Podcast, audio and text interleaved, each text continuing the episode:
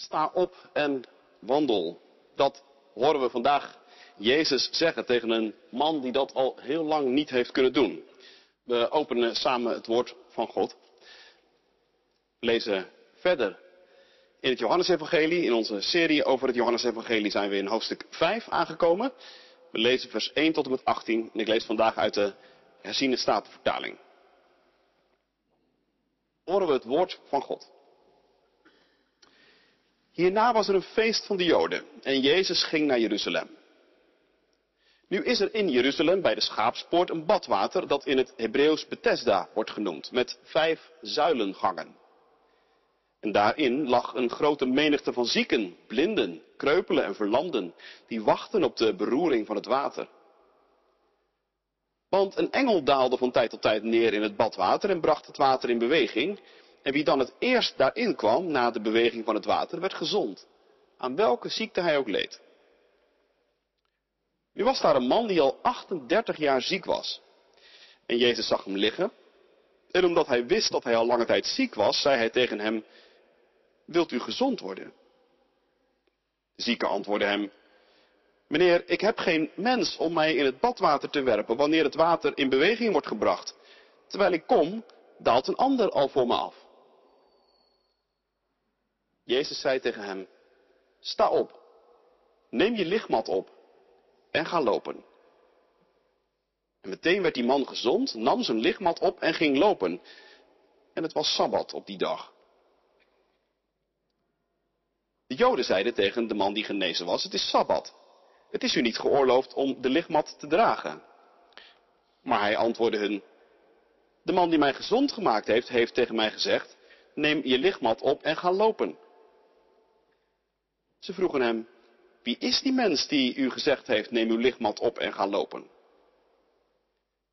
Degene die genezen was, wist niet wie het was, want Jezus had zich ongemerkt verwijderd, omdat er een grote menigte was op die plaats.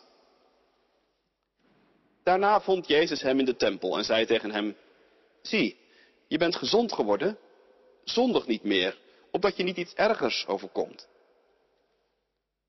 De man ging weg en berichtte de Joden dat het Jezus was die hem gezond gemaakt had. En daarom begonnen de Joden Jezus te vervolgen en probeerden ze hem te doden, omdat hij deze dingen op de Sabbat deed.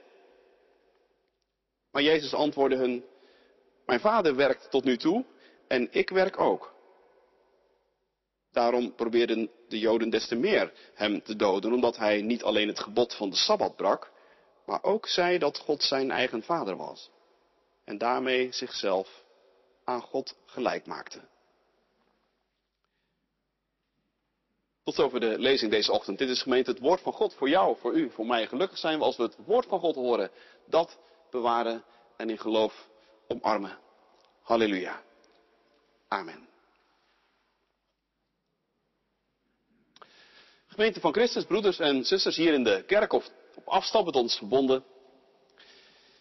Je kent ze vast wel van die grote, veelbelovende advertenties op de achterpagina van de krant. Of nog erger, voorafgaand aan een filmpje dat je op YouTube wilt gaan kijken. En dan moet je er ook nog verplicht 15 seconden naar kijken. Advertenties en reclames die je beloven dat je voor een paar tientjes naar Londen of Milaan kunt. Voor een paar honderd euro naar Kreta. Reclames die het voor elkaar krijgen om je toch net dat ene apparaat te laten aanschaffen. Dat je volgens de verkoper natuurlijk echt nodig hebt. Wil je een beetje meetellen of een gelukkig leven hebben. Maar meestal, en je bent ook vast wel eens een keer in zoiets getrapt, valt het toch tegen. Het apparaat doet niet wat het beloofde. In plaats van zicht op zee heeft je hotel op Kreta zicht op een grote betonnen flat. En zijn de kamers nog eens ontzettend geworrig. En je ticket van een paar tientjes. Ja, dat was de prijs voor de trein van woensdag op donderdagnacht om vier uur s'nachts. Maar op vrijdag en zaterdag betaal je het tienvoudige.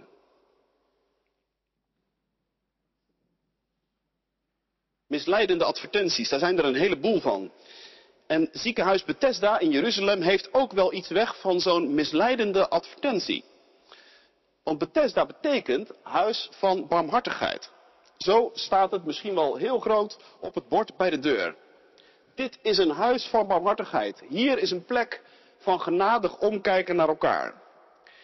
Dit is een plek voor liefde en aandacht voor mensen met allerlei kwalen. Dit is de plek waar je een luisterend oor verwacht. Waar verpleegkundigen van hun werkgever wel de tijd krijgen om even naast je te komen zitten. Daar hoop je in ieder geval wel op natuurlijk, want ja, het is toch een huis van barmhartigheid. En bovendien, een mooie en sfeervolle ambiance. Vijf zuilengangen. In mijn hoofd krijg ik dan meteen een plaatje van een soort luxe wellness center in een soort Griekse Romeinse sfeer. Bijna val je voor de overtuiging, voor de verleiding om even door te klikken in de advertentie. Want wie zou er nou niet in Bethesda willen zijn?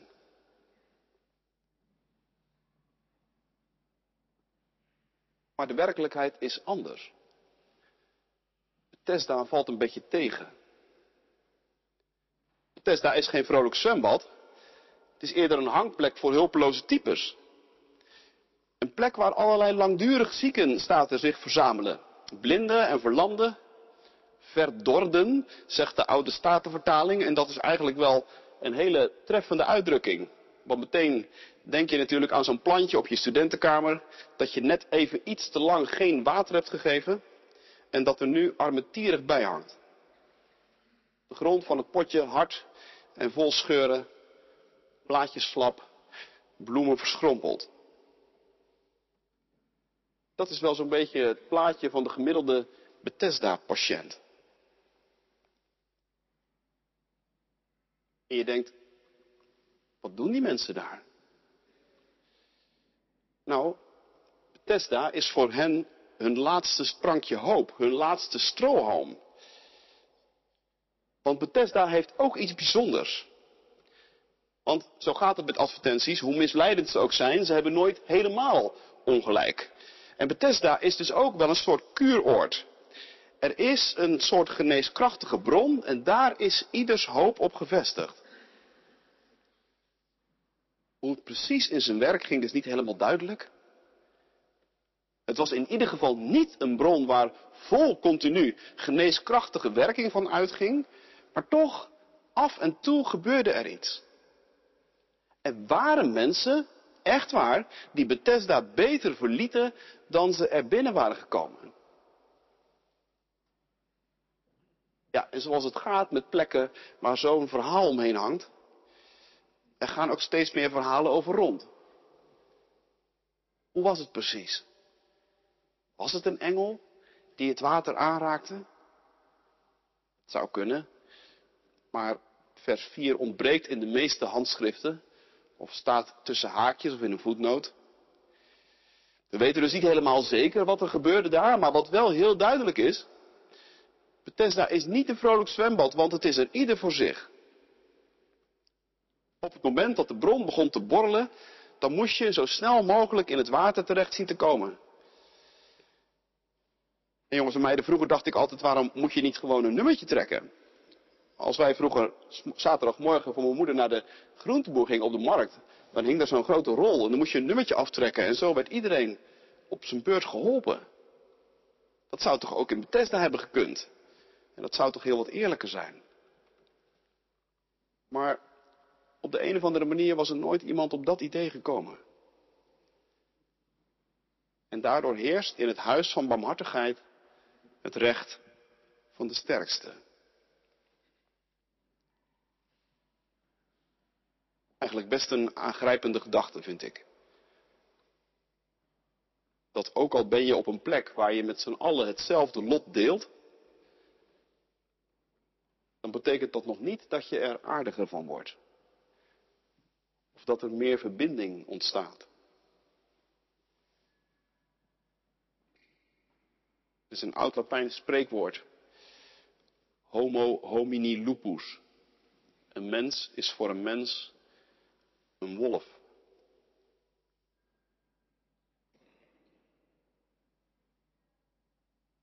Een van de patiënten uit het ziekenhuis Bethesda wordt er door de evangelist Johannes uitgelicht. En wat natuurlijk meteen opvalt is dat bijzondere getal 38, want je zult maar 38 jaar een ziekte bij je dragen. Dat betekent tussen twee haakjes trouwens niet dat deze man, die trouwens verder helemaal geen naam krijgt, dat hij al 38 jaar patiënt is in ziekenhuis Bethesda. Dat staat er ook niet. Hij heeft al 38 jaar zijn ziekte. Je kan je voorstellen natuurlijk dat hij al stad en land heeft afgelopen om van die ziekte af te komen. Hoe gaat dat? Eerst naar de huisarts, dan naar de specialist in het ziekenhuis, een volgend ziekenhuis, een second opinion, maar niks helpt. Wat doe je dan? Ja, dan ga je je heil zoeken in het alternatieve circuit. Want daar hoor je soms toch ook wonderbaarlijke verhalen over. Sommige mensen knappen daar enorm van op, maar ook deze man niet. Totdat iemand tegen hem zei, Bethesda, moet je daar niet een keer naartoe? Misschien dat hij eerst nog wel aarzelde of tegensputterde. Bethesda, dat is toch een soort perron nul. Dat is echt voor de hopeloze gevallen. Wat zeg je daarmee eigenlijk over jezelf als je daar naartoe gaat? Maar goed, je kunt je ook voorstellen hoe zoiets gaat. Op een gegeven moment ben je gewoon door al je bodems heen gezakt. En dan denk je, baat het niet, dan schaadt het niet. Ik ga.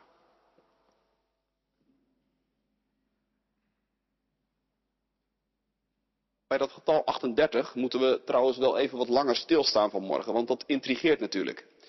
En zoals je weet, jongens en meiden, als je een getal tegenkomt in de Bijbel, moet je altijd opletten. En in dit geval is het een beetje een vreemd en een, en een weinig voorkomend getal. Het is geen 7 of 12 of 3 en ook geen 40, hoewel het daar natuurlijk wel in de buurt komt. En 40 ja, 40 zet ons vanmorgen denk ik juist wel op het goede spoor. Want 40, dat weet je denk ik, dat is het getal van de beproeving. Denk aan de, de 40 dagen van Jezus in de woestijn. Denk aan de 40 jaar van Israël in de woestijn. En misschien weet je ook dat die reis van Israël in de woestijn, die uiteindelijk 40 jaar duurde, vanuit Egypte naar het beloofde land, dat die een heel stuk korter had gekund. Hoeveel korter? Dat antwoord vind je in Deuteronomium 2, vers 14. 38 jaar korter had de reis van Israël gekund. De reis had in twee jaar kunnen worden afgelegd maar bij de grens van het beloofde land durfde Israël niet verder. Bang voor de toekomst. Bang voor tegenstand. Tien van de twaalf verkenners zeiden, hier moeten we nooit aan beginnen. Het is een slecht land. En bovendien, het is levensgevaarlijk. En God zei, oké, dan ga je maar terug de woestijn in. Jullie hebben mij al eindeloos op de proef gesteld. Nu ook nog dit. Van deze generatie zal niemand het beloofde land binnengaan.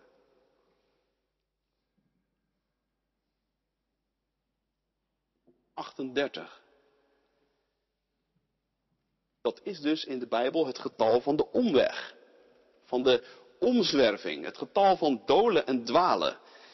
En het is het getal dat staat voor een generatie, voor een, voor een leven dus in feite. En ik denk dan ook dat Johannes de evangelist ons hier via deze man verder wil laten kijken en verder wil laten denken. In deze man wil hij ons een plaatje van Israël laten zien. Van Israël dat het beloofde land in zicht heeft. Binnen handbereik zou je denken. Nog maar een paar stappen en je bent over de drempel. Maar toch er binnenkomen dat lukt niet. En daarom, daarom heeft Israël zichzelf veroordeeld tot een leven lang van dolen en dwalen en zwerven en nooit echt je bestemming bereiken. Ergens diep van binnen, een slepende ziekte, die ervoor zorgt dat je niet verder komt, dat je verlamt en verdort die ervoor zorgt dat je niet voluit kunt leven en groeien en bloeien.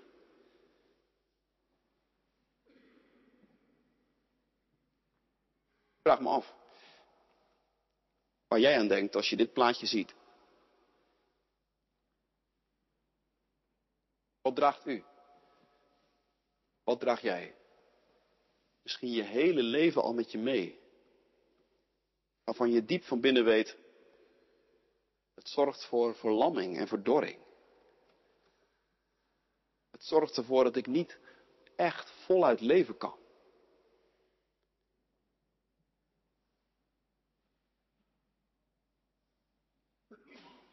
Ik dacht ook nog, zou op die manier niet iedere generatie ook zijn eigen ziekte tot de dood, zoals Kierkegaard dat ergens noemt, bij zich dragen? En soms, soms gebeuren er dingen in de geschiedenis van een volk die ervoor zorgen dat een hele generatie de rest van zijn leven ergens op de bodem van zijn ziel een trauma met zich meedraagt. Als een soort, als een soort slepende ziekte. Denk bijvoorbeeld aan de overlevenden van de Holocaust, die deze week herdacht werd. Een generatie die zijn leven lang, dag in dag uit, werd geconfronteerd met lege plekken in vrijwel elke familie. Of denk aan de generatie Duitsers van net na de Tweede Wereldoorlog, met op hun schouders een ondraaglijk schuldgevoel.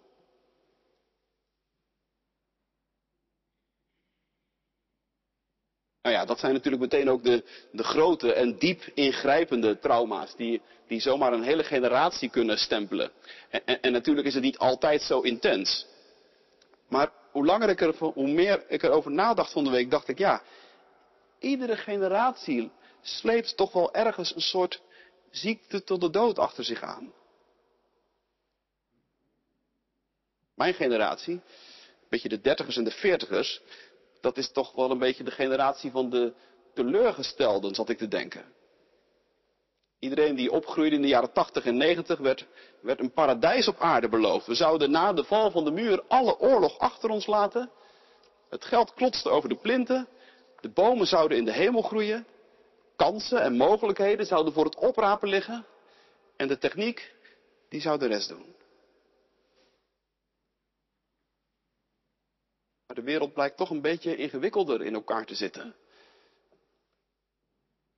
En het beloofde land, zoveel is zeker, gaan we langs deze weg in ieder geval niet bereiken. Alle Bethesda's waar we ons geluk beproeven, vallen tegen. Steeds meer mensen herkennen zich in de, de verzuchting van de Bethesda-patiënt. Ik heb geen mens.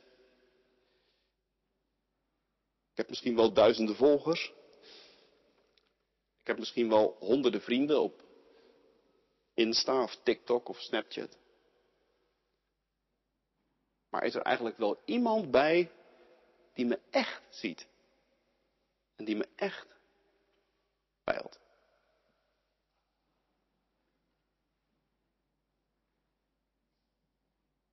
Ik heb geen mens. Dat is wel een aangrijpend zinnetje, vind je niet, uit de mond van die man. Heel triest als je dat moet zeggen. Ik heb geen mens. Ik heb niemand die me ziet zitten. Ik heb niemand die een keer langskomt.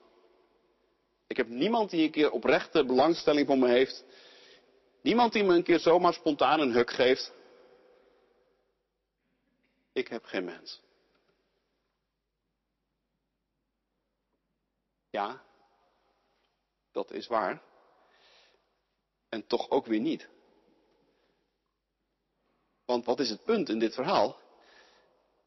Die man zegt dat tegen Jezus. Hij zegt het tegen een mens die voor hem staat.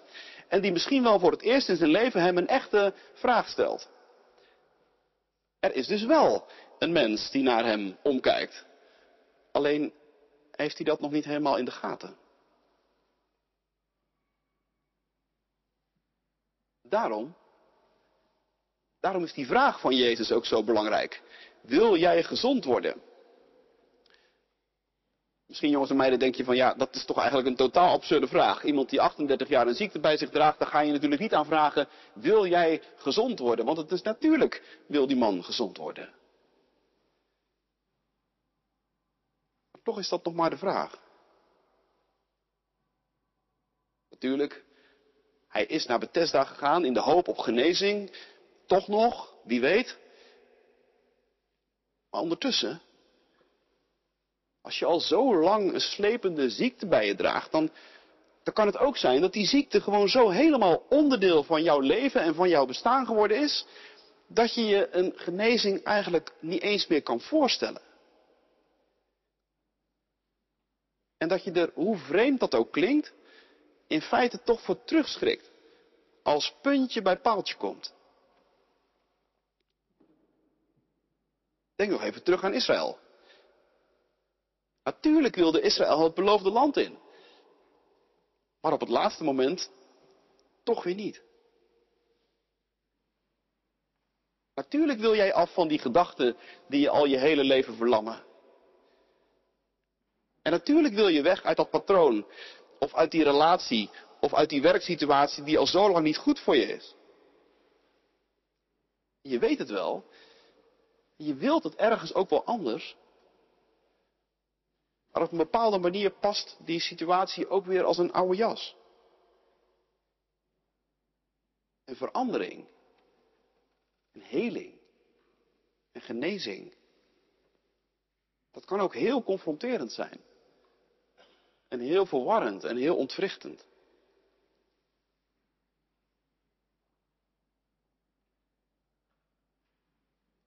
Dan staat er dus iemand voor je die vraagt, wil je gezond worden? Er blijkt tot je eigen verrassing toch iemand te zijn die om je geeft. En wie? Niemand minder dan Jezus, de God die mens werd. En die jou en mij vandaag als de levende aanspreekt. En ook al denk jij misschien dat je geen mens hebt. Deze mens met een hoofdletter denkt daar heel anders over. En Jezus wacht dan ook niet op antwoord. Hij zegt gewoon, sta op. Pak je bed op. Wandel. Loop. Sta op. Dat is in de Bijbel altijd het verlossende woord. De sleutel. Sta op. Er is beweging mogelijk. Omdat ik naar je toegekomen ben, zegt Jezus, kun jij het beloofde land wel binnengaan. 38 jaar dolen en dwalen, het is lang genoeg. Laat je niet langer vereenzelvigen met wat jou verlamt. Je bent niet alleen. Zo waar de Heer hier voor je staat. Sta op en wandel. Ik roep je op tot een nieuw bestaan. Leef in mijn licht.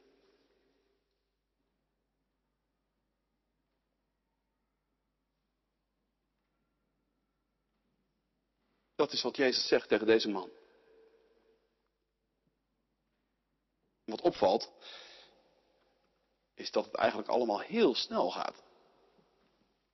En Nicodemus, waar het vorige week over ging, die kwam langzaam maar zeker tot inzicht. Er waren heel wat woorden van Jezus voor nodig.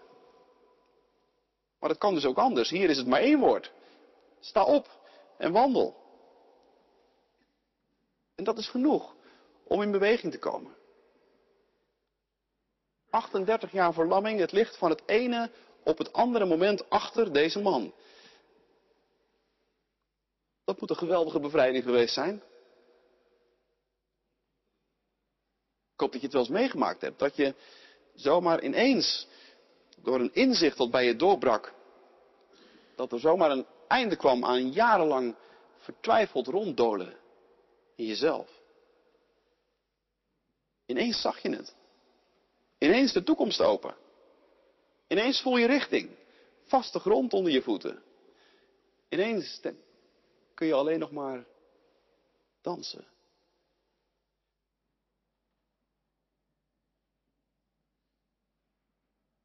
Dat is wat deze man meemaakt. Maar, maar buiten, buiten wacht toch nog een onaangename verrassing. Want die fluitende genezen man, die daar misschien wel dansend rondliep met zijn bedje op zijn rug, op zijn rug, die wordt, die wordt binnen de kortste keren ingehaald door een, uh, Ja, door een paar zuurpruimen. Hé, hey, hé, hey, zeggen ze. Weet je niet dat het Sabbat is? Jij draagt een bed. Dat mag niet op Sabbat. Ja, daar sta je dan. Meteen weer met je beide benen op de grond. Bethesda was geen gezellig zwembad. Maar de gewone wereld is ook geen pretje. De gewone mensenwereld heeft zijn eigen verlamming. Door regels en codes en bureaucratie en, en door de machten van zo gaat het hier nu eenmaal. En ween je gebeente als er iemand is die die codes durft te doorbreken.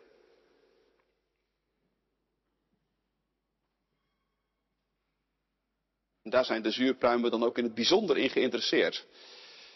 Kijk maar, wie is die man, zeggen ze, die dat tegen jou gezegd heeft? Sta op en wandel. Heel tragisch moment eigenlijk. Ik zat te denken, zouden die mensen ooit in de afgelopen 38 jaar ook maar een woord tegen elkaar gewisseld hebben?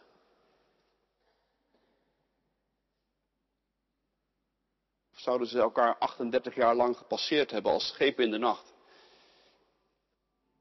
Waardoor die man zegt, ik heb geen mens. Want ja, dat krijg je dan. En inderdaad, zolang jij je gedijst houdt, heb je van niemand last. Maar zodra je opstaat, ja, dan ontdek je pas in welk krachtenveld je eigenlijk zit. Want dan worden ook ineens alle tegenkrachten wakker. Dat merkt ook deze man, bij wie het allemaal zo snel ging. Zo snel dat hij in de haast eigenlijk helemaal vergeten was om te vragen wie zijn weldoener was. Hij komt er pas later achter dat het Jezus was. En als hij dat daarna niets vermoedend gaat vertellen aan de zuurpruimen, dan blijkt hij daarmee opeens ook een klopjacht op Jezus in gang gezet te hebben. Zonder dat te vermoeden.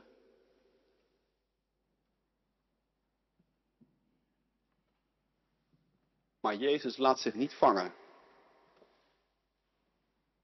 Jezus laat zich niet vangen. Niet in regels en niet in wetten. Hij laat zich niet letterlijk vangen door de zuurpruimen. Daar heeft hij het veel te druk voor. Mijn vader werkt. Ik werk ook, zegt hij. Ook op de rustdag. Ook op de Sabbat. Want er zijn zoveel Bethesda's in deze wereld die nu nog misleidende advertenties zijn, waar je bekocht en bedrogen wordt. En mijn werk is om van die Bethesda's weer plekken te maken die echt doen wat ze beloven te zijn. Huizen van barmhartigheid. Daarom werkt Jezus zo rusteloos. Ook op de rustdag. Juist op de rustdag. Wij zitten hier. Maar Jezus werkt. Ook vandaag. Ook in dit Bethesda. Wil je gezond worden? Vraagt hij aan je. Sta dan op. En wandel. Amen.